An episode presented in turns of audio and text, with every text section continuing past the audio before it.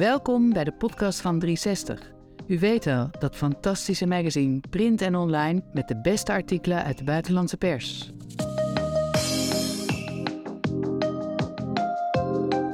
Controverse. Moeten banken helemaal verdwijnen? Na alle onrust in de bankensector moet de regulering worden uitgebreid, aldus Financial Times. Nee, laat de private banken maar branden, schrijft Yanis Varoufakis. Volgens de voormalige Griekse economieminister moeten burgers een gratis rekening krijgen bij hun centrale bank. Het vertrouwen dat spaargeld veilig is, is gewoon te belangrijk, zowel economisch als politiek, stelt Financial Times columnist Martin Wolf. De enige manier om dat vertrouwen te waarborgen is om de huidige regulering voor systeemrelevante banken uit te breiden naar het hele financiële systeem. Volgens Yannis Varoufakis, voormalig minister van Financiën van Griekenland, is het bankensysteem dat wij als vanzelfsprekend beschouwen niet te repareren. Maar er is een alternatief.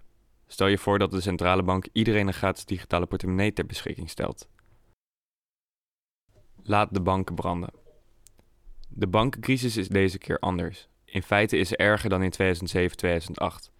Toen konden we de ineenstorting van banken wijten aan grootschalige fraude, wijdverspreide roofkredieten, collusie tussen ratingbureaus en louche-bankiers die met verdachte derivaten leurden.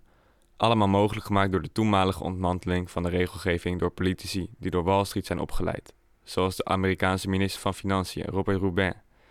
De huidige bankfaillissementen kunnen aan niets van dit alles worden toegeschreven. Ja, Silicon Valley Bank was zo dom om extreme renterisico's te nemen terwijl ze voornamelijk onverzekerde depositohouders bedienden. Ja, Credit Suisse had een schimmig verleden met criminelen, fraudeurs en corrupte politici. Maar anders dan in 2008 werden er geen klokkenluiders de mond gesnoerd, voldeden de banken min of meer aan de aangescherpte regelgeving van na 2008 en waren hun activa relatief solide. Bovendien kon geen van de toezichthouders in de Verenigde Staten en Europa geloofwaardig beweren, zoals in 2008, dat zij overrompeld waren. In feite waren de toezichthouders en centrale banken compleet op de hoogte. Ze hadden de volledige toegang tot de bedrijfsmodellen van de banken. Zij konden duidelijk zien dat deze modellen de combinatie van aanzienlijke stijging van de lange termijnrente en een plotselinge terugtrekking van deposito's niet zouden overleven. Toch deden ze niets. Hadden de autoriteiten niet voorzien dat de grote en dus onverzekerde depositohouders in paniek zouden vluchten? Misschien. Maar de echte reden waarom de centrale banken niets deden toen ze geconfronteerd werden met de fragiele bedrijfsmodellen van banken is nog verontrustender. Het was de reactie van de centrale banken op de financiële crash van 2008, waardoor die bedrijfsmodellen waren ontstaan. En de beleidsmakers wisten dit. Het post-2008-beleid van de harde bezuinigingen voor de meesten en staatssocialisme voor bankiers, dat tegelijkertijd in Europa en de VS werd toegepast, had twee effecten die het gefinancialiseerde kapitalisme de afgelopen 14 jaar vormgaven. Ten eerste heeft het het geld van het Westen vergiftigd. Om precies te zijn, zorgt het ervoor dat het niet langer één nominale rentevoet is die het evenwicht tussen vraag en aanbod van geld kan herstellen en tegelijkertijd een golf van bankfaillissementen kan afwenden. Ten tweede, omdat het algemeen bekend was dat geen enkel rentetarief zowel prijsstabiliteit als financiële stabiliteit kon bewerkstelligen, gingen westerse bankiers ervan uit dat als en wanneer de inflatie weer de kop opstak, de centrale banken de rentetarieven zouden verhogen en tegelijkertijd de banken zouden redden. Ze hadden gelijk. Dat is precies wat we nu meemaken.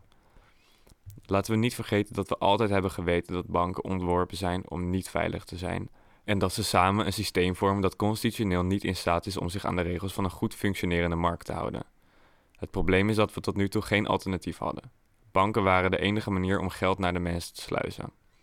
Dit maakte de maatschappij een gijzelaar van een netwerk van private banken die betalingen, spaargeld en krediet monopoliseerden. Vandaag de dag biedt de technologie ons echter een prachtig alternatief. Stel je voor dat centrale banken iedereen een gratis digitale portemonnee ter beschikking stelt. In feite een gratis bankrekening met een rente die gelijk is aan de dagkoers van de centrale bank. Aangezien het huidige banksysteem functioneert als een antisociaal kartel, zou de centrale bank net zo goed iedereen gratis digitale transacties en opslag van spaargeld kunnen aanbieden, waarbij de netto-inkomsten worden gebruikt voor essentiële publieke goederen. Bevrijd van de dwang om hun geld bij een private bank aan te houden en om voor transacties via dat systeem te betalen, zullen mensen vrij zijn om te kiezen of en wanneer ze gebruik maken van private financiële instellingen die risicobemiddeling tussen spaarders en leners aanbieden. Zelfs in zulke gevallen zal het geld helemaal veilig blijven in het grootboek van de centrale bank. De cryptobroederschap zal mij ervan beschuldigen dat ik aandring op een centrale bank die à la Big Brother elke transactie voor ons ziet en controleert. Los van de hypocrisie, dit is dezelfde bende die eist dat de centrale bank de bankiers van Silicon Valley onmiddellijk te hulp zouden schieten, moet worden vermeld dat het ministerie van Financiën en andere overheidsinstanties al toegang hebben tot elke transactie van ons. Privacy zou beter gewaarborgd worden als transacties geconcentreerd zouden worden in het grootboek van de centrale bank, onder toezicht van zoiets als een jury voor monetair toezicht, bestaande uit willekeurig gekozen burgers en deskundigen uit een breed scala van beroepen. Het bankensysteem dat wij als vanzelfsprekend beschouwen, is niet te repareren. Dat is het slechte nieuws. Maar we hoeven niet langer te vertrouwen op een particulier, op huurbelust, sociaal destabiliserend netwerk van banken. Tenminste niet op de manier waarop we dat tot nu toe hebben gedaan. De tijd is gekomen om een onherstelbaar banksysteem op te blazen, dat eigenaren en aandeelhouders bedient ten koste van de meerderheid. Kolenmijnbedrijven zijn er op een pijnlijke manier achtergekomen dat de maatschappij hun geen permanente subsidie verschuldigd is om de planeet te beschadigen. Het wordt tijd dat bankiers een soortgelijke les leren. Banken zijn de hoeders van de staat. Banken gaan failliet. Als dat gebeurt, schreeuwen degenen die op verlies staan om redding van de staat. Als de dreigende kosten groot genoeg zijn, zullen ze gehoor vinden. Dit is hoe we, crisis na crisis, een bankensector hebben gecreëerd die in theorie privé is, maar in de praktijk een verzal van de straat. De overheid probeert op haar beurt de wens te beteugelen van aandeelhouders en management om de vangnetten die ze genieten uit te buiten. Het resultaat is een systeem dat essentieel is voor de werking van de markteconomie, maar dat niet volgens de regels ervan functioneert. Kortom, een puinhoop. Geld is het spul dat men nodig moet hebben om dingen te kopen die men nodig heeft. Dit geldt voor huishoudens en bedrijven die leveranciers en werknemers moeten betalen. Daarom zijn bankfaillissementen calamiteiten. Maar banken zijn niet ontworpen om veilig te zijn.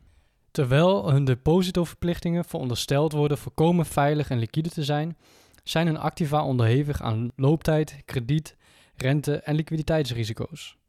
Het zijn mooi weerbedrijven. In slechte tijden gaan ze failliet, omdat depositohouders er dan vandoor gaan. In de loop der tijd hebben overheden gereageerd op het onvermogen van banken om het veilige geld te verschaffen dat hun depositohouders verwachten. In de 19e eeuw werden centrale banken geldschieters in laatste instantie zij het tegen strafrente.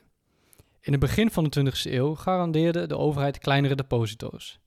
Tijdens de financiële crisis van 2007 tot 2009 zetten ze in feite hun hele balans in om banken te dekken. Het banksysteem als geheel werd ondubbelzinnig onderdeel van de staat. In ruil daarvoor werden de kapitaalvereisten verhoogd, de liquiditeitsregels aangescherpt en stresstests ingevoerd. Alles zou dan goed komen. Of niet? Het faillissement van de Silicon Valley Bank toont aan dat er lacunes zitten in de Amerikaanse regelgeving. Dat is geen toeval. Het is waar lobbyisten om riepen. Schaf lastige regelgeving af, riepen ze. En we zullen een wonderbaarlijke groeispurt maken. Wat in het geval van deze bank opvalt, is haar afhankelijkheid van onverzekerde deposito's en haar inzet op zogenaamde veilige obligaties met een lange looptijd. Eind 2022 had SVB 151,6 miljard dollar aan onverzekerde binnenlandse deposito's tegenover ongeveer 20 miljard dollar aan verzekerde deposito's. De bank had ook aanzienlijke ongerealiseerde verliezen op haar obligatieportefeuille omdat de rente steeg. Voeg deze twee dingen samen en je krijgt geheid een run. Ratten verlaten altijd het zinkende financiële schip. Depositohouders die niet op tijd ontsnappen zullen schreeuwen om een reddingsoperatie. Het is misschien opmerkelijk dat degenen die deze keer om een redding schreeuwen, de libertariërs van Silicon Valley zijn. Maar weinig mensen zijn kapitalisten als ze geld dreigen te verliezen dat ze als veilig beschouwen en niemand weet beter dan een kapitalist uit te leggen hoe essentieel hun rijkdom is voor de gezondheid van de economie. Onverzekerde depositohouders vonden hun hel precies op het goede moment bij de SVB en elders. Hiermee verdwijnt nog een andere bron van discipline van de particuliere sector op de banken. De SVB was slechts de zestiende bank van de VS.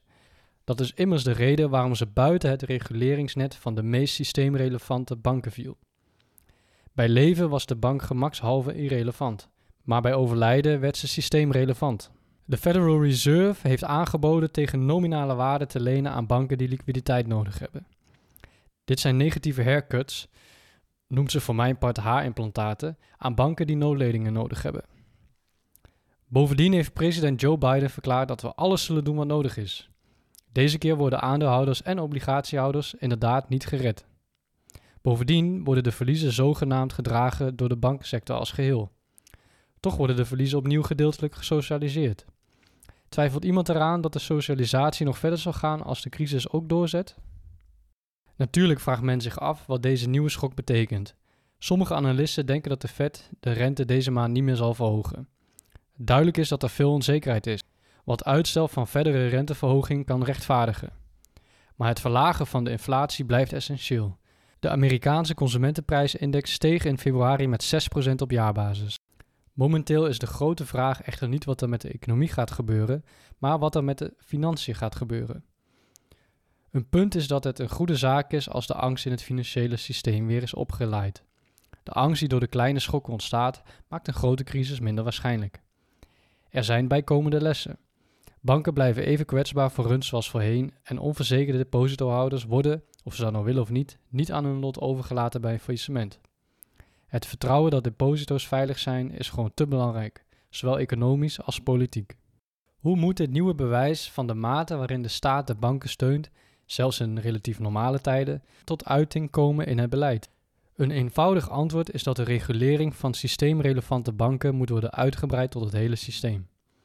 Een ander is dat deposito's bij insolventie boven alle andere schulden moeten worden geplaatst om een sociaal en economisch belang te weerspiegelen. Nog een andere is dat de balansen altijd de marktrealiteit moeten weerspiegelen. Ten slotte moeten de kapitaalvereisten dienovereenkomstig worden aangepast. Als het kapitaal van banken bij marktwaardering te laag wordt, moet het onmiddellijk worden verhoogd.